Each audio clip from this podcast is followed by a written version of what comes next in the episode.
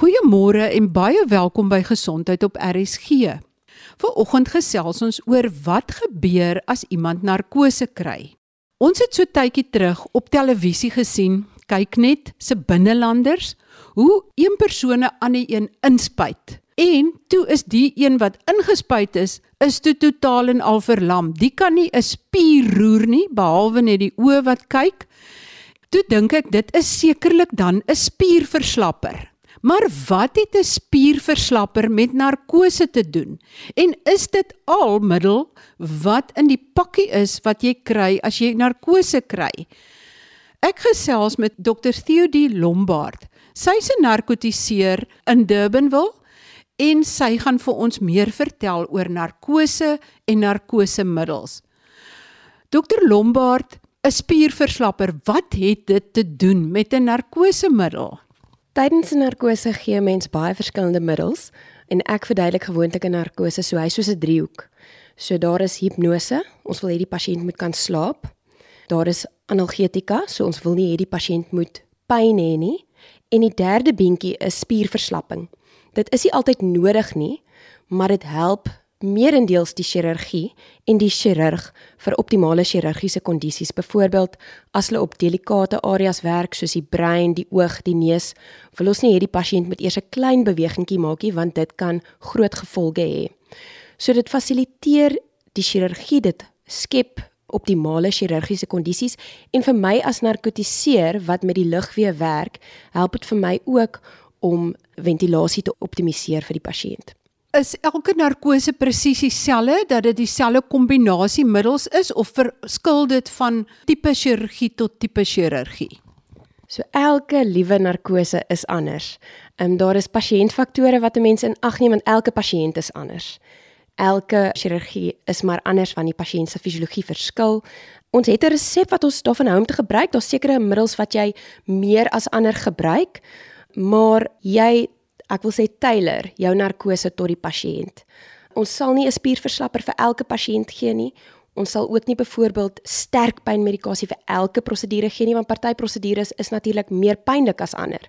So jy verander vir elke liewe narkose volgens die chirurg se behoeftes en die pasiënt se behoeftes. Dokter Lombard, soos wat ek verstaan, is 'n narkotiseer die enigste persoon wat volgens wet iemand se bewussyn mag wegvat met die wete dat hy dit weer kan teruggee. Met ander woorde die persoon aan die slaap kan maak en dan hom weer wakker maak. Anders as 'n bokser wat iemand slaan en dan word hy dalk nooit weer wakker nie. Maar hoe werk narkose? Wat is dit wat jy wil bereik met narkose? Ek weet nie of ons die enigstes volgens wet is wat dit mag doen nie, maar ek sou so hoop. ek dink dit is maar seker die veiligste opsie om 'n narkotiseer aan jou kant te hê as jy bewusteloos gaan wees. Maar die verskillende narkosemiddels wat ons gebruik, ons praat van induksiemiddels. Dit is die middels wat vir jou laat slaap. So dit werk basies in jou brein. Daar's neurotransmitters in jou brein wat op sekere reseptore gaan sit en wat inhibisie kan veroorsaak in jou brein of ons sal in Engels verduidelik excitation. So die verskillende induksiemiddels werk almal op verskillende reseptore en byvoorbeeld 'n algemene induksiemiddel wat ons gebruik is propofol. Hy sal byvoorbeeld op die GABA reseptor werk. En hierdie veroorsaak dan 'n inhiberende effek in jou brein, menende daar's nog steeds stimulasie. Jy voel nog steeds die chirurg werk aan jou, maar jy kan nie reageer op dit nie. Jy is bewusteloos. Dit is hoekom dit so belangrik is om nog steeds pynmiddels te gee alhoewel jy slaap en nie kan reageer op die chirurg se stimulasie nie. As jy sê inhibisie of onderdrukking, wat onderdruk dit? Onderdruk dit asemhaling? Onderdruk dit die hart? Wat presies onderdruk dit en hoe moet jy gereed staan om dit om te keer as jy dan daai tipe middels gee? Eerstens dit onderdruk bewussyn. So in Engels sou sê level of consciousness. Dit is die nommer 1 rede hoekom ons dit gee, maar ons is ook bewus dat meeste narkosemiddels het 'n effek op jou hart, dit het 'n effek op jou longe, 'n effek op jou niere, jou lewer. So dit is ek dink hoekom ons so lank moet studeer want jy moet al die neeweffekte van al die verskillende middels verstaan en jy kan nie 'n middel gee as jy nie weet hoe met die komplikasies daarvan te werk nie. So ons is altyd gereed om basies enige komplikasie te kan hanteer of dit nou respiratoriese depressie is of 'n bloeddruk wat val. Ons het altyd daardie middels byderhand dat ons 'n komplikasie kan hanteer. En baie kere kan jy dit eintlik maar um, verwag. Jy verstaan ook dat jy byvoorbeeld werk met 'n ouer pasiënt of 'n baie siek pasiënt, dan weet jy dat die die kans dat hierdie komplikasie kan gebeur is groter. So dan sal jy jou nou jou middels soos byvoorbeeld adrenalien uh, byderhand hê want jy verwag dat die bloeddruk dalk kan val en omdat baie van die middels ook jou asemhalingsvermoë wegneem. Dis hoekom ons ook met jou lugweë werk. Ons beskerm jou lugweë. Ons sit jou meeste van die tyd op 'n ventilator dat ons jou asemhaling kan hanteer en basies uh, jou lugweë beskerm. As jy die induksiemiddel gegee het, kom daar dan nog middels by? Of is daai propofol of die induksiemiddel die middel wat dan dwars deur die hele narkoseproses verloop? Dit hang maar af waarmee jy besig is. So ek kan byvoorbeeld besig wees met 'n sedasie of ek kan besig wees met 'n algemene narkose waar jy heeltemal slaap. Dit is nie die enigste middel wat ons gee nie. Dit hang maar af waarmee jy besig is, Baie keer sal ons 'n binneaardse tegniek gebruik waar ons slegs propofol gee dwars deur die prosedure om jou aan die slaap te hou. Ander kere kan ons omskakel na 'n gas toe dat ons maar net die propofol vir jou gegee het om jou aanvanklik te laat slaap en dan skakel ons oor na 'n gas. Of as ons 'n sedasie doen, dan sal ons byvoorbeeld net met 'n binneaardse tegniek aangaan. Dit hang maar af. Dit is onwaarskynlik dat dit ooit die enigste middel is wat ons vir jou gee. Ons gee gewoonlik ander middels om byvoorbeeld jou lugweë reflekse minder te maak. As ons nou byvoorbeeld vir jou moet intubeer, dan is daar lugweë reflekse wat ons moet onderdruk. Ons moet gewoonlik pynmedikasie gee. Meerendeels gee ons maar 'n spierverslapper. Dit hang maar af waarmee ons besig is. So ons gee eintlik maar baie middels vir iemand as hulle 'n narkose kry, want ons probeer ook die neeweffekte hanteer, want ons is bewus dat byvoorbeeld baie mense sukkel met naarheid en braaking na narkose. So mens wil daai komplikasies probeer verminder, so ons gee vir jou middels om dit te probeer voorkom terwyl jy slaap. As mens in 'n teater is, dan die chirurg werk oor die pasiënt, maar die narkotiseer sit hier bo by die pasiënt se kop met allerlei monitors en so aan. Wat hou julle dop? En dan so elke nou en dan sal 'n narkotiseer iets spuit by die uh, pasiënt se binneaardse drip of uh, iets verstel of iets kyk, wat is daai goed wat julle so monitor en kyk en hoe weet julle waarmee om wat aan te vul? Ons moniteer verskriklik baie dinge terwyl ons nou daar by die kop end van die pasiënt sit. So kom ons begin met byvoorbeeld jou vital signs, kies vir die Engels. Ons sal nou byvoorbeeld jou bloeddruk kyk, jou polsslag, jou hartritme, jou suurstofvlakke, Ons kyk ook jou koolstofdioksied wat jy uitasem om te sien hoeveel koolstofdioksied asem jy uit om te sien dat ons jou optimaal ventileer. Ons kyk byvoorbeeld na jou vlak van bewussyn. So ons kan dit op verskillende maniere moniteer. Byvoorbeeld ons kan jou breingolwe met 'n monitor moniteer wat basies interpreteer hoe diep jy slaap. Dan moniteer ons dit. Ons kyk na verskillende waardetjies as ons byvoorbeeld vir jou gas gee om te laat slaap. Dan kan ons sekere waardes daar sien om te kyk hoe diep jy slaap. Want die laaste ding wat ons wil hê is soos in binnelanders dat iemand verslap is, maar hulle weet eintlik wat rondom hulle aangaan. Dit is 'n baie slegte komplikasie wat kan gebeur en dit gebeur darm verskriklik min omdat ons al hierdie tegnologie het wat ons kan help om jou vlak van bewussyn te moniteer. Ons moniteer ook byvoorbeeld as ons vir jou 'n spierverslapper gespuit het, dan kan ons jou senuwees se sterkte moniteer deur 'n senuweestimulator wat ons op jou gesig of op jou vinger plak wat ons dan impulse stuur na jou senuwee dat ons kan sien hoe verslap is jy. Moet ons vir jou nog ietsie spuit? So dit is nie eers dat 'n mens net na polslag en bloeddruk en suurstofvlakke kyk nie. 'n Mens kyk regtig na alles. Mens kyk na byvoorbeeld die drukke in jou longe. Is die drukke in jou longe normaal? Gee ons vir jou genoeg genoeg volume suurstof in jou longe? So ons is redelik besig en is nie net dat ons kyk na 'n monitor nie, ons ore is ook al so ingestel. Jou monitors beep vir 'n rede, want ons moet ook papierwerk en alles doen natuurlik terwyl ons die narkose gee. So baie keer alhoewel jou oë nie die heeltyd op die monitor is nie, jy kan jou monitor hoor, so ek kan hoor hoe vinnig klop jou hart. Is die ritme normaal? Die toon van jou suurstofmonitor. As ek hoor daar's 'n verandering in die toon daarvan, dan weet ek iets het verander in jou suurstofvlak.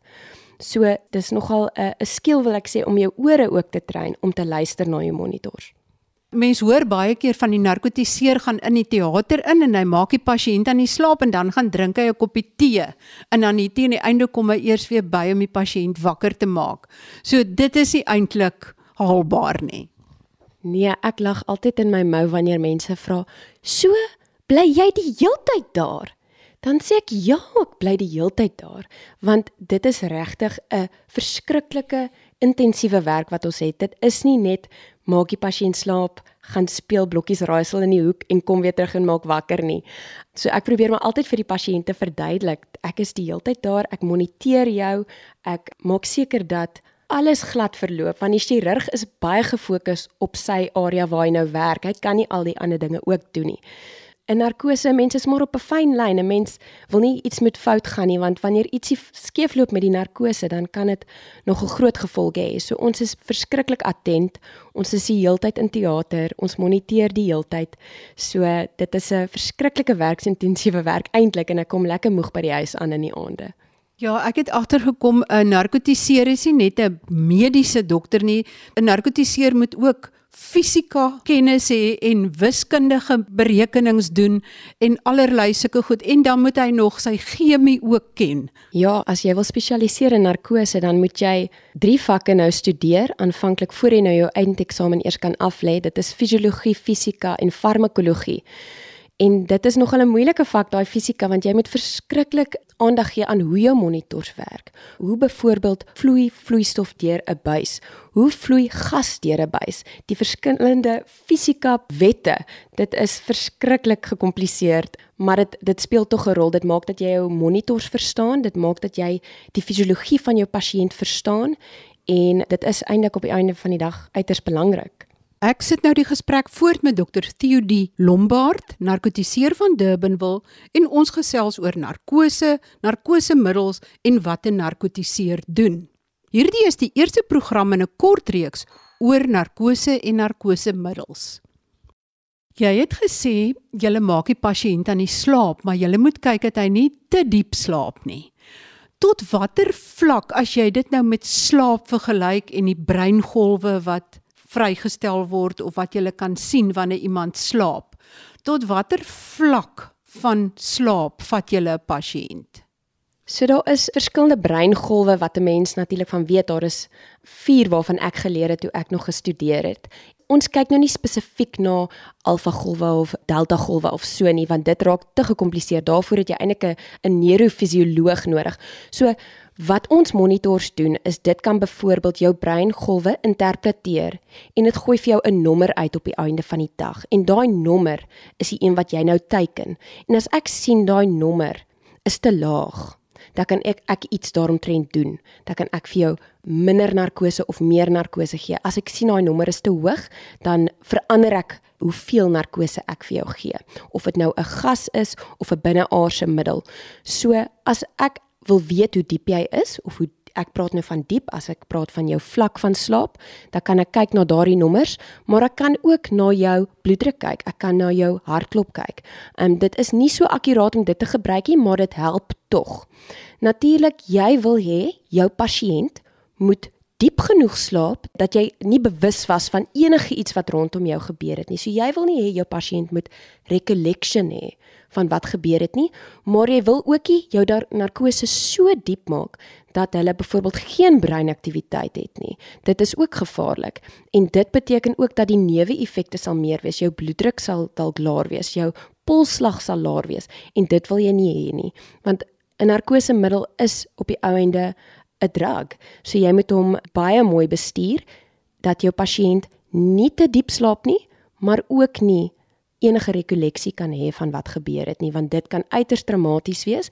En alhoewel 'n pasiënt nie noodwendig kan sê wat gebeur het nie as hulle bietjie bewus was dit is al gevind dat dit lei tot gedragsprobleme depressie posttraumatiese stres. So dit is ook 'n natuurlik iets waar ons baie attent is. As jy dan agterkom hy's nie op die presiese vlak van sedasie wat jy graag wil bereik nie en jy spuit dan 'n middel by of so, reageer hy onmiddellik of vat dit 'n tyd? Dit hang af wat se middel jy gee.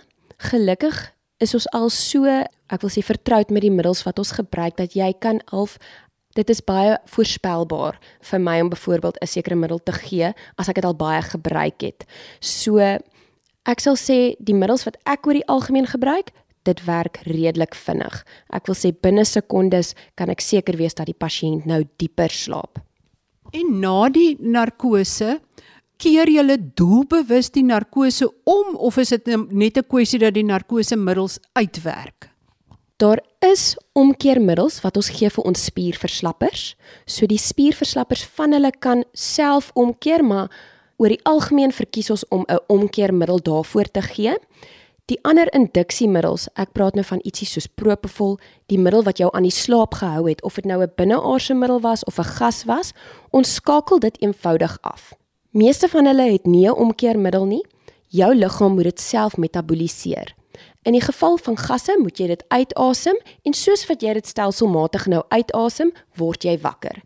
Jou binneaardse middels, omdat dit binneaards gegee word, moet dit eers gemetaboliseer word deur jou lewer en uitgeskei word deur jou niere. En natuurlik, party middels het metaboliete wat ons in ag moet neem wat dalk aktief is, wat maak dat die middel bietjie langer kan werk.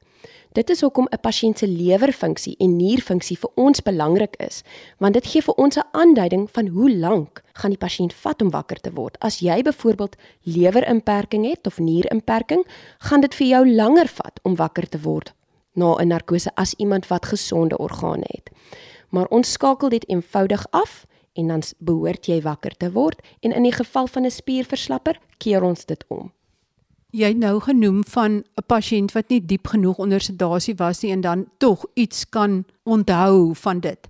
Mense het aan die ou dae altyd stories gehoor van jou ouma se niggie se kind wat heeltyd wakker was onder narkose en toe verskriklike posttraumatiese stres gekry het.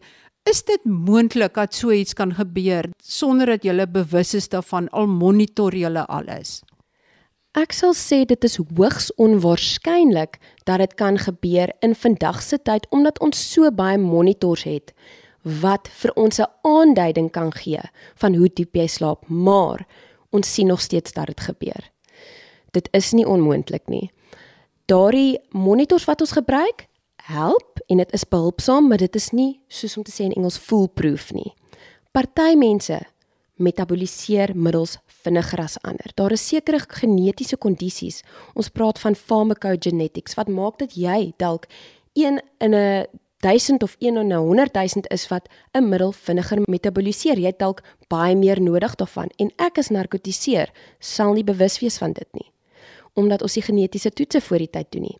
So daar is mense wat dalk regtig kan sê maar ek onthou hoe die chirurg gepraat het oor dit of dat. Ek onthou hoe die suster hierdie gesê het. En dan is dit 'n baie sensitiewe situasie. 'n mens moet dit uh, met sensitiwiteit hanteer en natuurlik berading en so vir die pasiënt gee na die tyd want dit is 'n baie baie baie traumatiese ervaring as dit met iemand gebeur dat hulle byvoorbeeld bewus was wat rondom hulle gebeur het en veral as hulle 'n spierverslapper dalk ontvang het waar hulle nie kon reageer nie, hulle kon nie beweeg nie, hulle kon nie hulle arms of ietsie oplig om vir iemand 'n indikasie te gee ek is bietjie meer wakker as wat jy dinkie. Maar soos ek sê, dit gebeur darm bitter bitter min, maar wanneer dit gebeur, is dit verskriklik traumaties vir die pasiënt en 'n mens moet dan die nodige stappe neem in die vorm van berading en so om dit te kan hanteer na die tyd sal die pasiënt sy oë kan oopmaak? Dit hang maar af van die situasie, van die narkose wat ons gee, die chirurgie wat hulle het.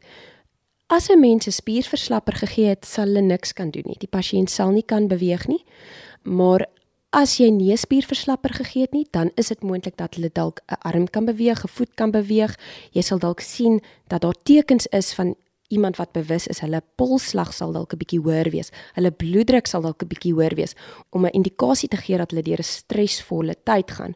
Maar die monitors wat ons gebruik, ek moet sê dit help verskriklik baie. Ons gee baie verskillende middels om te probeer voorkom dat dit gebeur met 'n pasiënt.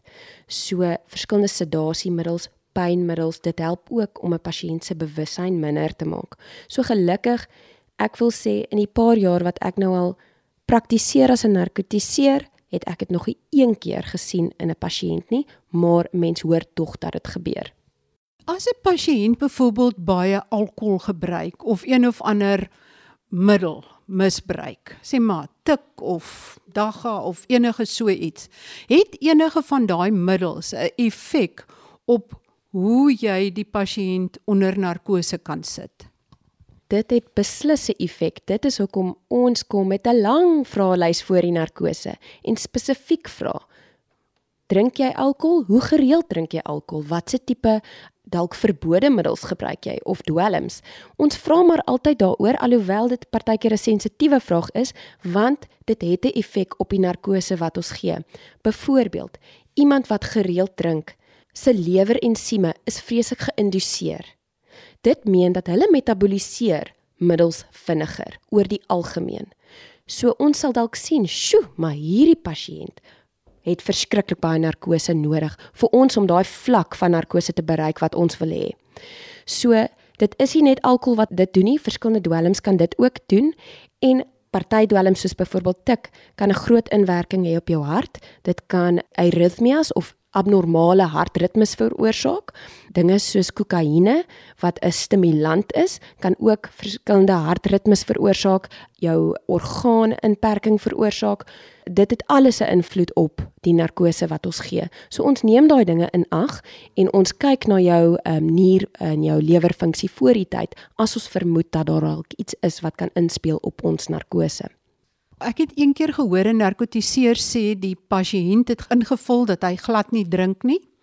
En toe hulle in die teater is, moes hulle net meer en meer narkosemiddels gee om hom onder te sit en dan skielik is hy onder. Is dit hoekom die een ook moet sê dat hy sê maar alkohol gebruik of ander middels gebruik? Ek sal nie so kwai sê dat dit noodwendig 'n oordosering in ons induksiemiddel kan veroorsaak nie omdat jy dit vinniger metaboliseer, het 'n mens regtig net meer nodig om jou aan die slaap te kry. Maar daar is sekere middels soos byvoorbeeld morfine wat ons gereeld vir pasiënte gee. Maar wanneer daar 'n pasiënt is wat byvoorbeeld bekend is met nierversaking en daar is aktiewe metaboliete wat meen dat hierdie middel word nie so goed gemetaboliseer nie, hy word nie normaal uitgeskei deur jou niere wat nie reg werk nie, dan is dit baie maklik om iemand te oordoseer met byvoorbeeld morfine want jy het eintlik baie minder nodig om dieselfde effek te hê as iemand met normale niere. So mens moet byvoorbeeld met jou pynstillers baie versigtig wees dat jy nie iemand oordoseer nie, veral iemand wat bekend is met nierversaking of iets soos dit. Baie dankie aan my gas vandag Dr. Theo die Lombard, narkotiseer van Durbanville. En volgende week sit ons hierdie gesprek voort in die tweede en finale program in hierdie kort reeks oor narkose, narkosemiddels en wat 'n narkotiseer doen. Ek wil graag luisteraars vra om my te help met twee onderwerpe waaroor ek tans navorsing doen vir verdere programme. Die eerste is oor jong dokters wat hulle gemeenskapsdiensjaar doen. Ek nooi alle jong dokters wat hierdie Zuma jaar, oftewel hulle Comserve jaar, oftewel hulle gemeenskapsdiensjaar ergens in die land doen. Skryf aan my by gesond by RSG en vertel vir my wat is die dinge wat vir julle reg werk en wat is die omstandighede waaronder julle werk wat nie ideaal is nie of wat julle graag anders sou wou gehad het. Daar is baie van hierdie jong dokters wat in ver afgeleë hospitale geplaas word waar daar geen verdere dienste en ondersteuning is nie. Nie tegnologie wat werk nie en ook nie eens voldoende medikasie nie. En in verskeie gevalle is hulle ook nie veilig nie. Laat my asseblief weet onder watter omstandighede jy werk. Dan 'n tweede navraag en dit is spesifiek gerig aan dokters, kardioloë, patoloë en enige iemand wat hierby betrokke is. En dit is sien julle meer gevalle van onverklaarbare hartstilstand, skielike kardiale dood. Is dit dan nadat iemand COVID gehad het of 'n COVID inspuiting? As enige iemand met hierdie tipe gevalle werk, Laat my weet of jy 'n onverwagte of 'n onverklaarbare toename sien in sudden adult death syndrome, SADS. Oftewel skielike kardiale dood in volwassenes en het dit enigsins volgens julle 'n verband tussen COVID of tussen hierdie skielike dood en die COVID-vaksin?